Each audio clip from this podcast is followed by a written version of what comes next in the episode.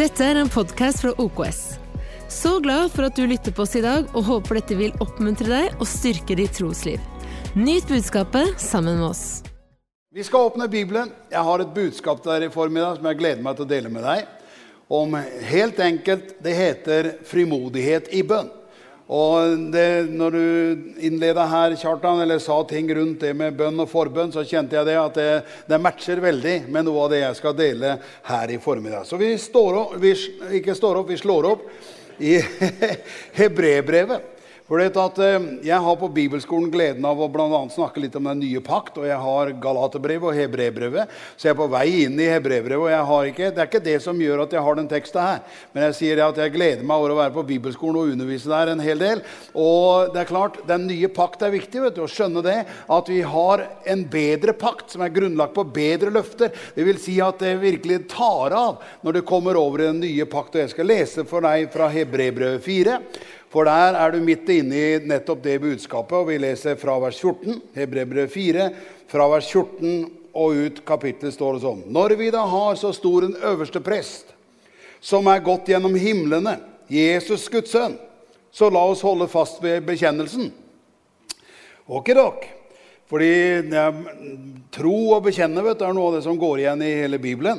Men så står det fra neste vers For vi har ikke en øverste prest som ikke kan ha medlidenhet med våre skrøpeligheter, men en som i alle ting er prøvd slik som vi, men uten synd. Flott er det vet du, at Jesus var den eneste som kunne frelse oss. For han er den eneste som levde et syndefritt liv og et fullkomment liv. Holdt loven fra, fra, mål til, fra start til slutt. Og så gir han oss det fullbrakte verket når han dør på korset. Og Derfor er det så fint å ha en øverste prest som har eh, gjort Han har blitt prøvd i alt likhet med oss, han har vært menneske her på jorda, men dog uten synd. Så sier vers 16, det er det jeg egentlig skal preke om, men alt det andre var greit å lese, da, som innledende til det vi skal se i vers 16. La oss derfor, nettopp fordi vi har Jesus, nettopp fordi han har gjort et fullkomment verk, la oss derfor komme fram for nådens trone med frimodighet, så vi kan få miskunn og finne nåde til hjelp i den tid vi trenger det. Amen. Du skjønner, Det fins noe som heter nådens trone, og det står vi skal komme fram for den med frimodighet. Så jeg skal snakke litt om frimodighet i bønn. Og eh, jeg må bare finne fram eh, noen eh, Jeg har noen forskjellige ting som jeg må finne fram her, men det har ikke du noe med. Det har jeg noe med. Så det går veldig bra. Vi har lest dette fantastiske ordet at 'kom fram med frimodighet for hans trone'. Tenk det! Jesus sitter jo på en trone vet du, ved siden av altså, Faderen. Og Jesus sitter på en trone i det høye. Og det står at vi skal komme fram for den tronen hvor Jesus er satt seg. Det står veldig mange steder i Bibelen at han satte seg etter han hadde fullført frelsen, frelsen for alle mennesker. Satte han seg ved Guds høyre hånd i det høye. Og nå er han der. Og det står vi skal komme fram for den nådetronen med frimodighet. Så når vi ber, så skal vi ikke skamme oss. Vi skal ikke liksom se ned og gjemme oss. Nei, vi skal være frimodige når vi ber. Så jeg skal dele med deg noen tanker om frimodig bønn. Og det er klart det er mye mer å si om det enn det jeg rekker å si her i formiddag. det skjønner du. Så jeg må konsentrere meg. Vanligvis bruker jeg tre punkter, men i formiddag har jeg fire. Og det, det, det, blir ikke for å gjøre det verre for deg, det er bare for å gjøre det bedre for deg. Og Jeg kommer ikke til å preke lengre for det med fire punkter. Og det er ikke sånn at jeg må ha tre punkter. Så det er, det er derfor jeg har fire. Det er for å vise at jeg kan ha fire hvis det trengs. Okidok. Det er mer for å roe deg når det gjelder med tre punkter og avslutning og sånn. Eh, la oss se litt mer. For du skjønner det at de leste her kom fram med frimodighet. Og jeg vil dele med deg fire områder eller dimensjoner i bønn, om du vil. Hvis du vil snakke fint, kan du si det fins forskjellige sider ved det å be. Det er ikke sånn at du bare ber og ber og ber. liksom. Og mange de ber, og de, å si, Jesus sier at mange tror de blir bønnhørt, for de ramser opp lange bønner og mange bønner. Men ikke gjør som det, sier Jesus, for det gjør hedningene. De ramser opp bønner. De tror det er et oppramsingsbønn som liksom hjelper. Nei, det er ikke at du bruker mange ord, men det er mer snakk om at du får tak i noe av hemmelighetene, noen av områdene i bønn og prinsippene som fins i bønn. Og jeg skal ikke eh, gå lenge, for jeg skal rett på, og vi skal se det første eh, dimensjonen vi skal se på. Det er at navnet Jesus er noe av nøkkelen som vi skal oppdage når vi går inn i bønn. Johannes 16 vet du, er et fantastisk kapittel. Og Jesus han underviser jo om mye om bønn, men på slutten av sitt liv, og særlig da fra eh, Johannes 16 og utover, så ber han, men ikke bare ber han, han sier en hel del ting til oss som skal leve nå etter Jesus har dratt. For som Kjartan var inne på, han er ikke her fysisk. Han har ikke noen mailadresse i Kapernaum. Det er ikke sånn at du treffer ham på gatehjørnet. Det er sånn at han er på tronen i himmelen. Han tar seg noen turer av og til. Ned fra den tronen. Han sitter jo der, det er hans posisjon. Men han av og til dukker opp. Han f.eks. dukka opp og skøyt Paulus i senk, så han fikk han på banen. kan du si. Og du vil se også at han dukker opp når den første martyr eh, dør, så, så, er det sånn at du leser at han møtte Jesus. Jesus var der kan du si, for å hilse ham velkommen. Og det han sto Jeg ser mennesker som stå ved Guds høyre hånd, sa han, mens de drev og steina ham. For Jesus hadde reist seg for å møte eh, han når han kom. Så hør her nå. Jeg må skynde meg videre i det jeg skal si. For du skjønner, Det fins fire dimensjoner eller områder eller hva du vil, som vi skal se litt på. Det første er vi skal snakke, det er en nøkkel å forstå bønn i Jesu navn. Og vi skal sakte forklare det. Du skjønner, Det fins mye bønn i Bibelen. Mye bønn i Gamle og Nye testamentet. Og det er herlig å lese. Vet, salmeboka midt i Bibelen er jo full av bønner. Og han ber, og han synger, og han priser. Og David var litt av en uh, fyr, for å si det sånn. Så det er veldig bra. Vi kunne sett på noen gullkorn i salmene, men det har jeg prekt om før, for, for noen hundre år siden. så det, det, tar vi ikke nå. Det er best å ha en frisk, ny preken som du får her akkurat nå, som vi ikke har hørt før. Så det er veldig ålreit. Det som er saken, er nemlig det. Det fins noen nøkler, det fins noen dimensjoner i bønn. Det første vi må snakke litt om, er navnet Jesus. For navnet Jesus er over alle andre navn. Han har gitt han et navn som er større og bedre og høyere enn alle andre navn. Det vil ikke si at ikke ditt navn er fint, men det betyr at Jesu navn er høyere. Eh, det betyr ikke at ikke alle andre navn også kunne være fint, men du skjønner, Jesus har det navnet som er over alle andre navn, for at i hans navn skal hvert kne bøye seg, og hver tunge skal bekjenne at Jesus Kristus er Herre, til Gud Faders ære. Det er derfor han har et navn over alle andre navn, for at vi skal anerkjenne han er Herre. Og Det er sånn du blir frelst. Det er som du tror et hjerte at Gud reiser Jesus opp fra de døde, men en munn bekjenner at han er Herre. Da skal du bli frelst. Så vi kan jo starte med en gang med frelsen. Du skjønner at det, det begynner jo med at du tror med ditt hjerte at Gud reiste Jesus opp fra de døde. Så det, dette er altså etter første påskedag, hvor Jesus sto fra de døde. Og så da sier han du tror i ditt hjerte at Gud reiste Jesus opp fra de døde. Og med din, munn, med din munn bekjenner du at han er Herre, til Gud Faders ære. Da skal du bli frelst. Og det var dette de første kristne da prekte overalt. Tro på Herren Jesus, så blir du frelst. Det ble bekynt i fengsel i, eh, i eh, Der hvor Paulus og Silas satt fengslet i Filippi, i fengselet, så kommer fangevokteren livredd fram vet du, og lurer på nå går det gærent, for nå mister jeg jobben. Nå rømmer alle fangene, for alle hadde løsna.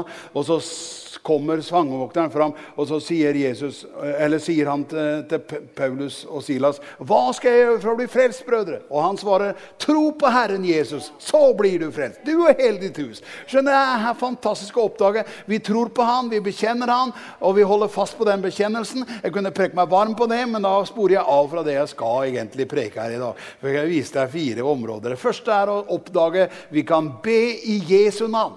Du Skjønner Navnet over alle andre navn er Jesu navn og det er gjennom det navnet vi kan bli frelst. Men han har gitt oss det privilegium at vi kan be i hans navn. Og det, det Johannes 16 da bl.a. tar for seg litt, det er at han forklarer nettopp det at vi kan be i navnet Jesus. Jeg leser for deg Johannes 16, vers 23-24. Så sier Jesus, han proklamerer om bønn i Jesu navn. Han sier, 'På den dagen', sier han for Da snakker han nemlig om etter han er stått opp fra de døde. Og han sier at dere er i sorg nå, for nå, nå eh, skjønner dere at jeg skal dø. Og så videre, sånn. Men så sier han jeg kommer tilbake igjen, jeg står opp igjen. Og på den dagen sier han, så skal dere ikke spørre meg om noe. Sannelig, sannelig sier jeg dere, hva som helst dere ber min far om i mitt navn, skal han gi dere. Og så sier han noe interessant i vers 24, i Johannes 16. Og i vers 24 sier han, 'Hittil har dere ikke bedt om noe i mitt navn', sier han. Det er jo ganske noe å tenke på, for de hadde bedt mange bønner. Og han hadde lært en Fader vår, blant annet, hvis du legger merke til Fader vår, som er en fin bønn, og det er mange prinsipper der, så vil du se Jesu navn er ikke nevnt i Fader vår. Så Hagen, som gikk på bibelskole, så han forklarte må være klar over at Fader vår er en fin bønn, og den brukes i alle mulige settinger. Men du må være klar over den er ikke engang en bønn i Jesu navn. sier han. Det er etter det at du begynner å be Jesu navn. For hittil har du ikke bedt om noe i mitt navn, sier han i vers 24. Men, men be, og dere skal få, så gleden deres kan være fullkommet. Skjønner, Det å be i Jesu navn er den første nøkkelen jeg vil forklare deg litt om. Eh, fire dimensjoner i bønn, og jeg skal holde farten oppe, så det går bra. Du tenker, nå tok du lang tid på å komme til det punktet. Nei da, jeg, jeg kunne ikke få sagt det fortere, fortere enn jeg gjorde nå. Så det, jeg, jeg kom ikke fortere enn det. At Be i Jesu navn. Jesus har gitt oss den rettigheten at vi ikke behøver å be i vårt eget navn. Vi behøver ikke å be i keiserens navn. Takk og lov for det. Vi behøver ikke engang be i kongens navn. Selv om kongen er en fin kar, så må han sjøl be i Jesu navn. ikke sant? Og det er noe med det at bønn i Jesu navn den åpner en dimensjon som gjør at alt vi ber om i Jesu navn, skal vi få. Wow, sier jeg da. Engelsk å bety oi. Og det er en del av grunnkurset jeg holder når jeg underviser. Så det får du alltid, noen gratis engelskundervisning. Mm -hmm. Bare sjekke at at det var rent vann, og det er det. Halleluja. Skjønner, alt vi ber om i Jesu navn, skal vi få. Så det betyr at det å oppdage den hemmeligheten at du kan bruke Jesu navnet når du ber Så hva er det å be i en annens navn? Jo, det er jo å be som om den personen var der og ba. Det er som om han ba. Og hvis du ser Jesus når han ba, du, så ser du jo f.eks. i Johannes 11 så ser du at Jesus leiser Lasarus opp fra de døde. Så ber han en bønn. vet du. En, han, han, han, han, sukker, og så ber han en enkel bønn. Og så sier han, 'Far, jeg takker deg fordi du alltid hører meg', sier han. Tenk det! Han sier, 'Far, jeg takker deg for du alltid hører meg.' Og Da hadde Lasarus vært fire, død i fire dager, og han stinker allerede. og så videre, sånn, De tenkte at det her går gærent, liksom. Men Jesus han ser inn i den tomme graven og sier det at 'Lasarus, Stå opp! For han sier, 'Jeg vet at du alltid hører meg', sier han, 'men for deres skyld som hører på meg, så vil jeg si det her, for at de skal skjønne at du har gitt meg makt over liv og død'. Og du skjønner, Jesus reiser Lasarus opp fra de døde. Men det jeg vil du skal få tak i, det å be i Jesu navn, det er å be som om Jesus sjøl ba. Og Jesus ba litt annerledes skjønner du, enn de der oppramsingsbønnene og alt det der som han ofte lærer seg til. Det er fint å be sånne bønner som du har lært deg utenat. Det er fint, å, fint å synge bolvers og hva det måtte være. Men, men, jeg sier det er ikke i den dimensjonen vi snakker om nå. For bønn i Jesu navn er at du kan be som om Jesus sjøl sto der og ba. Han har gitt deg rettigheten, mandatet, til å bruke navnet Jesus. Hvis det går opp for deg, vet du, så vil ditt bønneliv være forvandla fullstendig. Forever. For du skjønner det at alt du ber om i mitt navn, skal du få. Så det å bruke navnet Jesus når du ber, det er en stor, stor hemmelighet. Gud er god, og han lærer deg det på forskjellige måter. Og jeg, jeg, jeg skal gi det her til ære for min svigermor Gullborg, som er 96 år. Hun lever og lever og lever og lever, så det er en annen sak.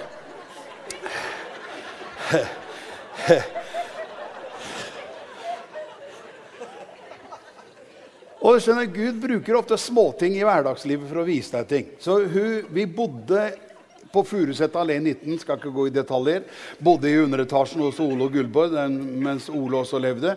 Og du skjønner, Det flotte var at Gullborg hun trengte hjelp av og til. Det er fint med folk som trenger litt sånn praktisk hjelp. Og du vet at jeg var jo ut og inn hele tiden. Jeg eh, husker nabo vi hadde et annet sted, og dere er på farten hele tiden. Og ut og inn, og Det er nettopp det jeg oppdaga, at jeg er ut og inn hele tiden. Så jeg ble, fikk lys over det ordet 'Sari'. Velsignet være din inngang og din utgang og nå, fra nå til evig tid. Så jeg fant ut at jeg er ut og ut og inn hele tiden. Så, så en, jeg var litt travel, så hilste jeg på han som kom ut. Så var det meg. Jeg var på vei inn, men så kom det en ut, og det var meg. Jeg bare har det litt gøy. Du skjønner, Det som er fantastisk, er at Gullborg, som er en fantastisk fin dame Hun er 96 år, som jeg sa. Hun har aldri kjørt bil. Altså sjøl. Hun har sittet på i bil, men hun har ikke hatt lappen, for å si det på en annen måte. For hun, Det var ikke aktuelt på den tiden nødvendigvis for henne å ta lappen. da. Ole kjørte.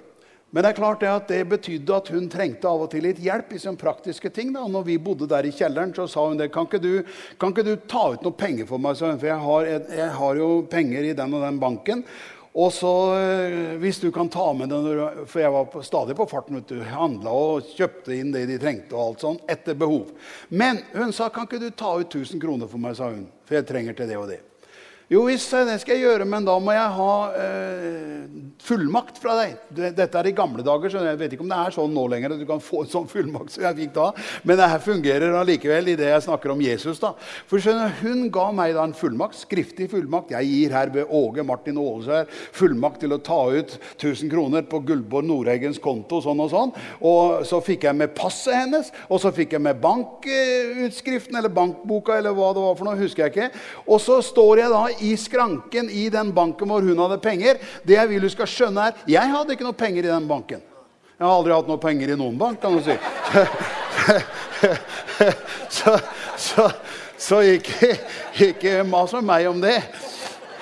Hjemme hos oss har vi noe som heter Lillemorbanken. Det er hun som ordner med alt i banken. Hun er banksjef i den filialen jeg eventuelt kan be om penger. Så jeg må spørre, jeg må spørre banksjefen om det. Men hør her. Du skjønner, jeg hadde ikke penger i den banken, men hun hadde penger der. Og saken var når jeg da står i skranken og har fullmakt fra Gullborg om å ta ut 1000 kroner. Og jeg har hennes pass med, seg, med meg, og jeg har også mitt førerkort som identifiserte at jeg var Åge Martin Ollesæd. Så får jeg jo 1000 kroner, som ikke var mine, men som var Gullborg sine. Og selvsagt dro jeg rett hjem til Gullborg med dem. det skjønner du at jeg driver ikke og tuller. Men saken er at jeg, det som skjer der i skranken, er, skranken er, jeg vil du skal skjønne, Når jeg står i, i bankskranken og se, sier jeg skal ha 1000 kroner ut på Gullborgs konto, så får jeg ut Gullborgs penger, penger som om hun sto der sjøl. Men hun sto ikke der sjøl. Det var jeg som sto der. Men jeg sto der i hennes navn. Det er det der Jesus vil vi skal skjønne. At når vi ber innenfor Guds trone i Jesu navn, så står vi der og ber som om Jesus sjøl ba. Halleluja! Halleluja! Og, og, det gjør jo at du kan få litt mer frimodighet. for jeg snakker om frimodighet i bønder. Skjønner, tror du Jesus ville fått bønnesvar hvis han hadde bedt om det du ber om? Ja, hvis han hadde fått bønnesvar, så får du bønnesvar fordi du ber i hans navn. Du ber som om han ba. Halleluja! Jeg kjenner jeg blir begeistra over å høre meg sjøl preke. Halleluja. Jeg er ikke ofte jeg blir det, men jeg blir det akkurat nå. Det her er bra preking. Halleluja. Halleluja. Amen. Jeg har fått oppmuntring om å være frimodig her i dag. Kjartan har sagt til meg å være frimodig, og det er det jeg er akkurat nå. Kjartan. Jeg er bare lydig mot det du sa. Men jeg fikk det ordet egentlig om frimodighet i bønn, da, så det er veldig bra. Du vet, Det å be Jesu navn det er en fantastisk nøkkel. Jeg skal bare legge inn noe sånn, sånn underpunkt under det, for det står noe om det. At uh, når vi kommer sammen i Hans navn når to eller tre er sammen i mitt navn, da er jeg midt iblant dem. Og Derfor sier Jesus i Matteus 18, vet du, så sier noe om det. Eh, jeg skal lese på, i Matteus 18, fra vers 18 til 20. så står Det det. Det dere binder på jorden, skal være bundet i himmelen. Det dere løser på jorden, skal være løst i himmelen. Og så sier han Igjen sier jeg dere, om to av dere på jorden Da er vi i vers 19 i Matteus 18. Uh, igjen sier det, om to av dere på jorden blir enige om noe dere ber om, uh, om, om, dere, nei, om noe vil be om To av dere på jorden blir enige om noe de vil be om, skal bli gjort for dem av min far i himmelen. For hvor to eller tre er samlet i mitt navn, der er jeg midt iblant dem. Halleluja. Det er flere ting i det løftet der som vi ikke har tid å ta nå, men det vi har tid, tid, tid til å ta, det er det at det hender at du på en eller annen måte stanger litt når du prøver å be i Jesu navn. Selv om du tror på alt det jeg sa nå om å be i Jesu navn, så kjenner du at det er et eller annet som gjør du trenger hjelp liksom, i bønn. Det er ikke greit å bare be alene bestandig. Det hender av og til du trenger litt eh, support, kan du si. Og det er derfor det hva to av dere på jorden blir enige om å be om, skal gis dem av min far i himmelen. Så jeg er glad for å Du vet, Kenneth Hagen var jo min eh, Jeg gikk på skole hos Kenneth Hagen i Amerika. Du kan jo bare drømme om det eh, når du hører om det nå, for han er død. Så, så jeg kan ikke, men han var på Rema Bible Training Center i Tulsa, Oklahoma. gikk vi på bibelskole, og Hagen var der. Vi hadde privilegiet å høre han selvsagt, men også å snakke med han noen ganger. Men det er fantastisk det han hadde å si om akkurat det her jeg skal si deg nå. Få med deg det her. Gullkorn fra Hagen. Levert direkte sånn fra mann til mann. Du skjønner, Saken er nemlig at kona til Hagen ble sjuk. For Heigen han hadde jo blitt reist opp fra dødssenga kan du si, da han var 16 år. Han holdt jo på å dø, og han døde et par ganger òg. Men det er, det, er, det er eventyrhistorie nesten å høre det. Men han ble i løpet av noen måneder så tilegnet han seg tro for helbredelse. For han var født med en sykdom som gjorde han var eh, Han skulle egentlig aldri blitt 20 år, etter det legene sa. Men han ble gammel. Han ble 6-87 år. Men det flotte er det at han, han, var veldig frimodig og troende når det gjaldt det med helbredelse. Og jeg så jo det, at han fikk stort sett det han ba om. Men så var det sånn at kona hans da, vet du. For det er noe med det at i bønn så er det sånn at selv om vi alle sammen tror at vi kan be sammen, så er det noe med det at du får det du ber om. Den som ber, han får. Så det vil si, når du ber, så får du. Når jeg ber, så får jeg. Det vil ikke si at vi ikke kan be sammen, og at vi tror at Gud virker gjennom våre bønner. Jeg skal si noe om det på slutten. Men det flotte er det at eh, den som ber, han får. Så jeg er veldig glad at jeg har lært meg det. At av og til så må jeg be sjøl. Du kjenner det? Be sjæl, din latans. Det er liksom på en måte der mer det Den hellige ånd sier til deg. da. Hvor du kjenner du må, du må be sjøl for å få tak i det eh, Gud vil at du skal ha tak i. Men så hender det noen ganger du ikke kommer igjennom det. vet du. Og hva da? Jo, da ser du hva to av dere på jorden blir enige om å be om. Skal gi som min far. Så det er noe med det vet du, å være to. Kanskje være to eller tre. Men det å be to sammen, vet du, og særlig når man er gift, da, så er det jo privilegiet ved å være et ektepar det at man kan av og til be sammen om saker og ting. Og det Heigen ikke hadde tenkt på vet du, det for, for nemlig Kona hans var da, og hadde en hjertesykdom, og de begynte å bli godt opp i årene også. Hun het Orita Hagen for øvrig. Gir dette til ære. Jeg har æra Gullborg med noe av det jeg har sagt her. Nå gir jeg ære til Orita Hagen for det jeg skal si nå. For det nemlig som skjer, er det at Helion sier til Hagen Hvorfor har du ikke funnet ut hva hun har tro for? For Hegen hadde alltid tro for alt. da, vet du. Han liksom ikke grenser for Han var jo liksom trosforkynnelse-gigante. Men saken var at det hjalp ikke kona hans i den saken hvor de holdt på å kjempe med hennes hjertesykdom. da. Og så sier, du vet av, nei, sier Jesus til Hagen du vet, to av dere på jorden blir enige om å be om det skal gis som min far. Så må jeg først finne ut hva er det kona di har tro for. Hvis du skal være enig med henne, så er ikke bare enig om hva du skal be om, men å være enig i hva dere tror for. Dere tro, står sammen i tro. Og så spør han da, vet du, eh, fru Heigen, da, at hva er det du har tro for, sier han. Og hun sier nei, jeg har tro for en full vellykket operasjon. Jeg sa. Jeg tror at jeg, jeg, skal bli operert, og hun hadde en hjertesykdom som de kunne operere. Og hun sa jeg har tro for en vellykket operasjon. Og da kjente Heigen, ja, men da må vi bli enige om det. Så de ba sammen da i tro om en vellykket operasjon. Og du skjønner, det funka. Det gjorde at eh, Oreta ble helbredet ved den type enighetsbønn som de da gjorde i Jesu navn. Og det gjorde at hun ble frisk. Hun ble så frisk at hun levde flere år etter Heigen var død. Så det skjønner, hender av og til at det hjelper med sånne, sånne, sånne plussbønner som du får ved å bli enig med noen andre. Så sier jeg ikke det var hele hemmeligheten, men det er klart det. Damer damer lever lenger enn menn. Så derfor levde hun noen år ekstra enn Heigen. da. Men nå gjelder ikke det alle. da, lille mor, Vi må ikke flyte på det og tenke at du skal leve lenger bare fordi du er dame.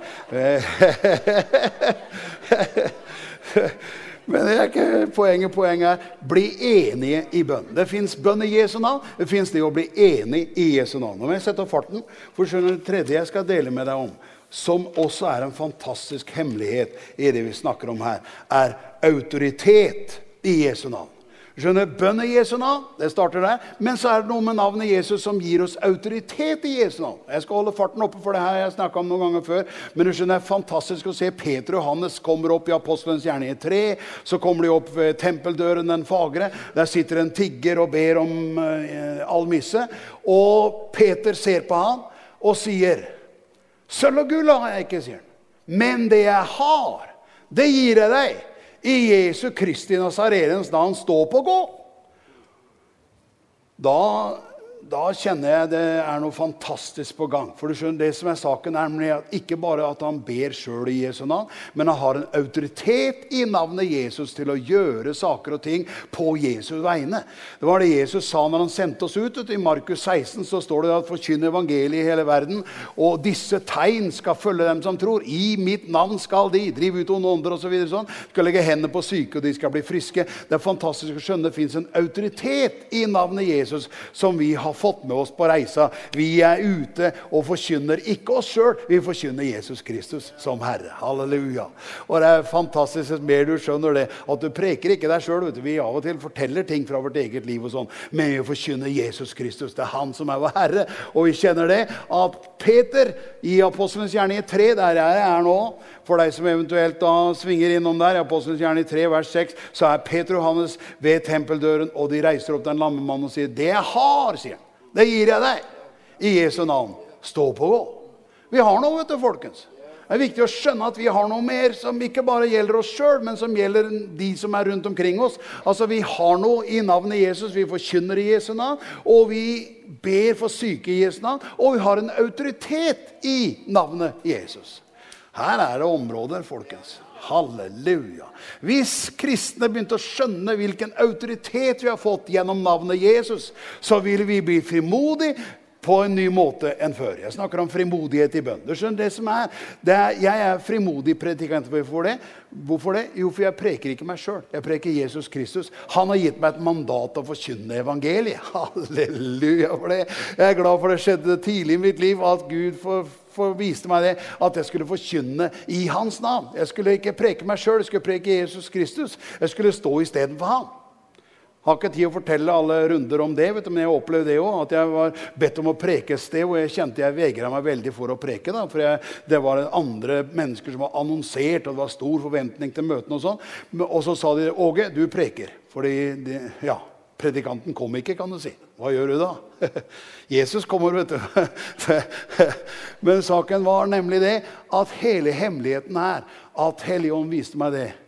Du er jo frimodig hver gang du bruker å stille deg fram. Sånn. Og jeg skulle preke istedenfor en dame, til ære for damene også. Og gir jeg Gullborg-ære og Rita Hagen-ære. Og det her var en dame som het Sandy Brown, som vi ikke skal snakke om nå.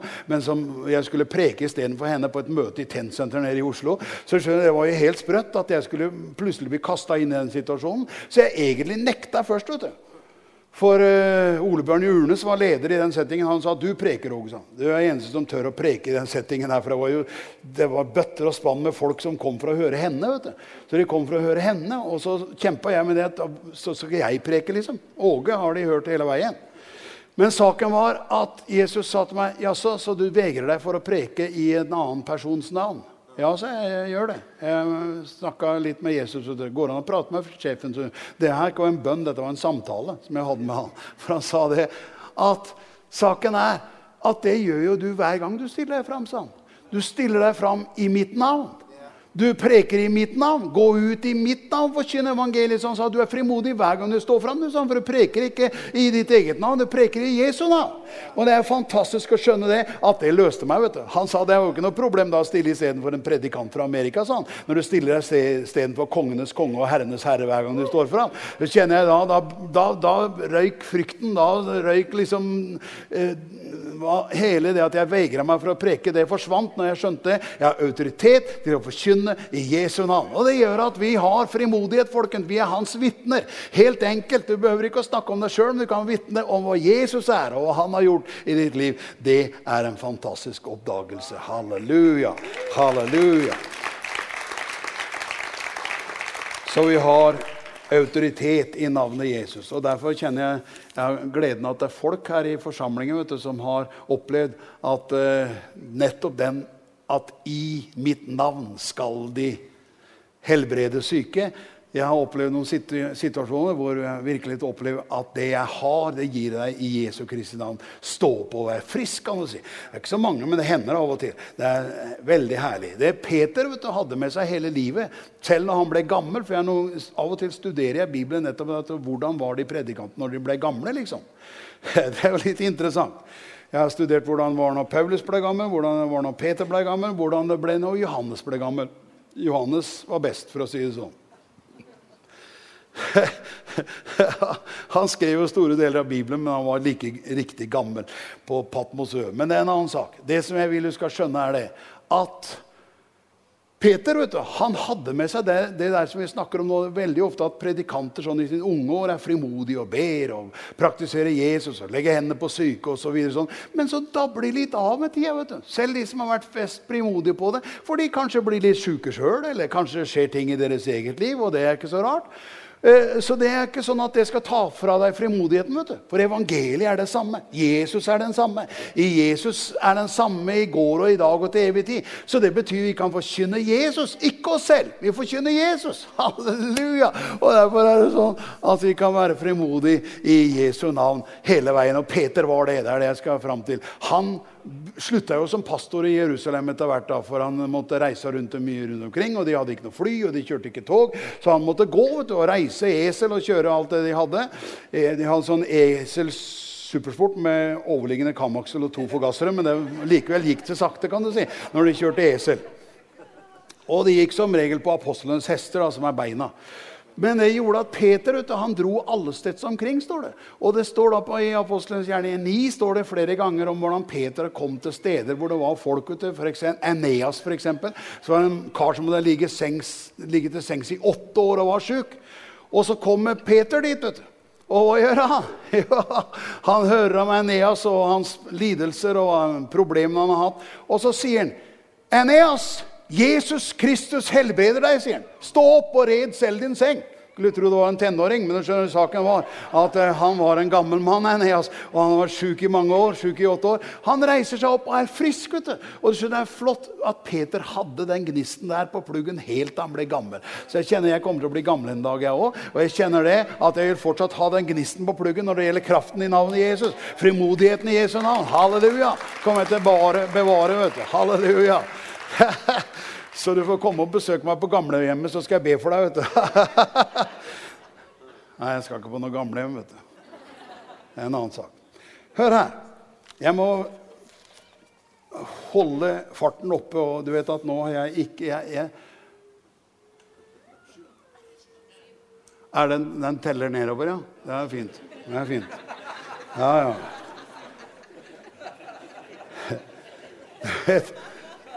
Det tredje jeg vil dele med deg, for vi snakker om navnet Jesus, autoritet i navnet Jesus. Nå snakker jeg om det. Johannes 4, vet du. Så går Jesus inn i en helt ny dimensjon. For han snakker med kvinnen ved brønnen, ikke sant? Og, og, hun lurer på er det riktig at vi skal be i Jerusalem. Dere jøder ber i Jerusalem. Vi i Samaria vi ber på Garisim. Hva er riktig? Hvilken religion stemmer? Og Jesus gir en lite hint da, og sier at frelsen kommer fra jødene. sier han. Men den time kommer, sier han, og er nå. Og det står i Johannes 4, vers 23 og 24. Så står det sånn. Leser for deg hva det står. I Johannes 4, 23, 24 så står det Den time kommer og er nå, da de sanne tilbedere skal tilbe Faderen i ånd og sannhet. For det er slike tilbedere Faderen vil ha. Gud er ånd. De som tilber ham, må tilbe i ånd og sannhet. Halleluja, sier jeg. Du skjønner, Det fins noe mer enn bønn og bønn i tro og be for hverandre. og alt det der som vi begynte med. Nei, skjønner, det finnes noe mer å tilbe. Tilbedelse, gudsdyrkelse. Den sanne dyke, gudsdyrkelse er i ånd og i sannhet. Det er slike tilbedere far vil ha. Han vil vi skal tilbe ham i ånd og sannhet, for Gud er ånd. Og vi er åndsvesener. Og skjønner Den koblingen mellom hjerte til hjerte, fra ånd til ånd, det er det Gud vil du skal skjønne, at du tilber Gud i ånd og sannhet.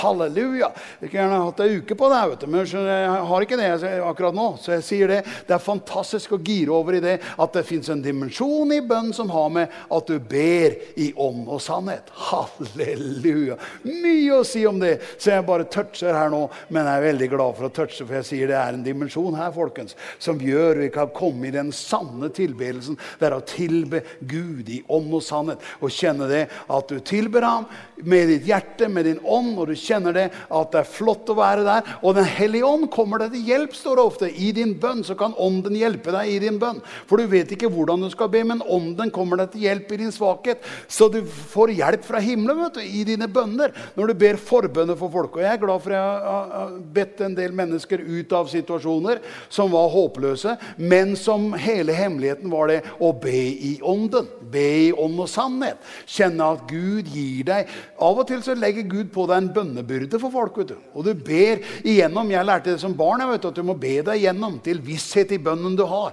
Eh, Carl lærte meg det, vet du, faren min, så jeg kan den sangen. Men jeg skal ikke ta den for deg nå, for du skal få slippe å høre meg synge. Du skal derimot høre meg gi noe om bønn. Det er noe fantastisk med å oppdage at du kan tilbe i ånd og sannhet. Og en av de tingene er også det at du ber ved Den hellige ånds hjelp. Be, ber i ånden, står det om. Det står om tungetale og be i ånden. Men her er noe mer en større dimensjon. Du ber med ånden og i ånden, og du ber ved hjelp. Ånden kommer oss og hjelp i vår svakhet. For vi trenger av og til hjelp fra Gud. Vet du. Ja, hemmeligheten er det at han gir oss for, Vi ber i ånd og sannhet med sukk som ikke kan uttrykkes i ord, står det der. Og Det står, her, det står i Romerne 8, vers 26, for de som vil ha liksom sånn inside information. Så står det om å be med sukk som ikke kan uttrykkes i ord. Og han som vet hva åndens vilje er. Han går i forbønn for de hellige. Du, du, du, ber, med andre ord, Det er ånden som ber, men han ber gjennom deg. Du ber ved hjelp fra Den hellige ånd. Be, hellige ånd ber du, til Gud gjennom deg, kan du si. Fordi du er her på jorda. Det er her på jorda vi trenger hjelp. Det er her på jorda vi trenger himmelens hjelp. Og han lærte dem jo det be at uh, som i himmelen, så også på jorda. Gud vil gjeste jorda vet du, ved at han har utgitt sin ånd over jorda. Og han kan hjelpe at vi kan be og forandre situasjoner. Jeg lar den ligge der, for det er, det er så mye å si om det, så jeg går til det siste punktet. Fjerde punktet. For det er en innflytelse i bønn folkens, som vi er glad for å snakke om. Vi kan påvirke skjønner du, samfunnet. Vi kan påvirke omverdenen. Vi kan påvirke Romerriket. Vi kan påvirke Oslo. Vi kan påvirke Norge, Europa, Amerika. Vi kan påvirke denne verden ved bønn. Derfor står det i 1. Timoteus 2, og det siste bibelverset jeg skal sitere for deg, 1. Timoteus 2, vers 1-4, så står det om det at, at det gjøres bønner Derfor formaner jeg først av alt at det blir gjort påkallelser, bønner, forbønner og takksigelser for alle mennesker, for konger og alle som har myndighet, så vi kan leve stille og fredelig liv i gudsfrykt og ærbødighet.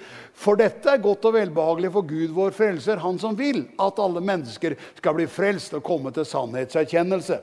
Hva sier han her? Jo, Han sier at egentlig ved at du ber, og du ber forbønner for dem som f.eks. har makt og myndighet og er, har innflytelse i verden, så åpner du dørene for evangeliet, sånn at evangeliet kan gå igjennom. Altså, folk, Gud vil at mennesker skal komme til sannhetserkjennelse. Og en av hemmelighetene er at du kan be for land og folk på en måte som gjør at vilkårene legger seg til rette for å åpne for evangeliet.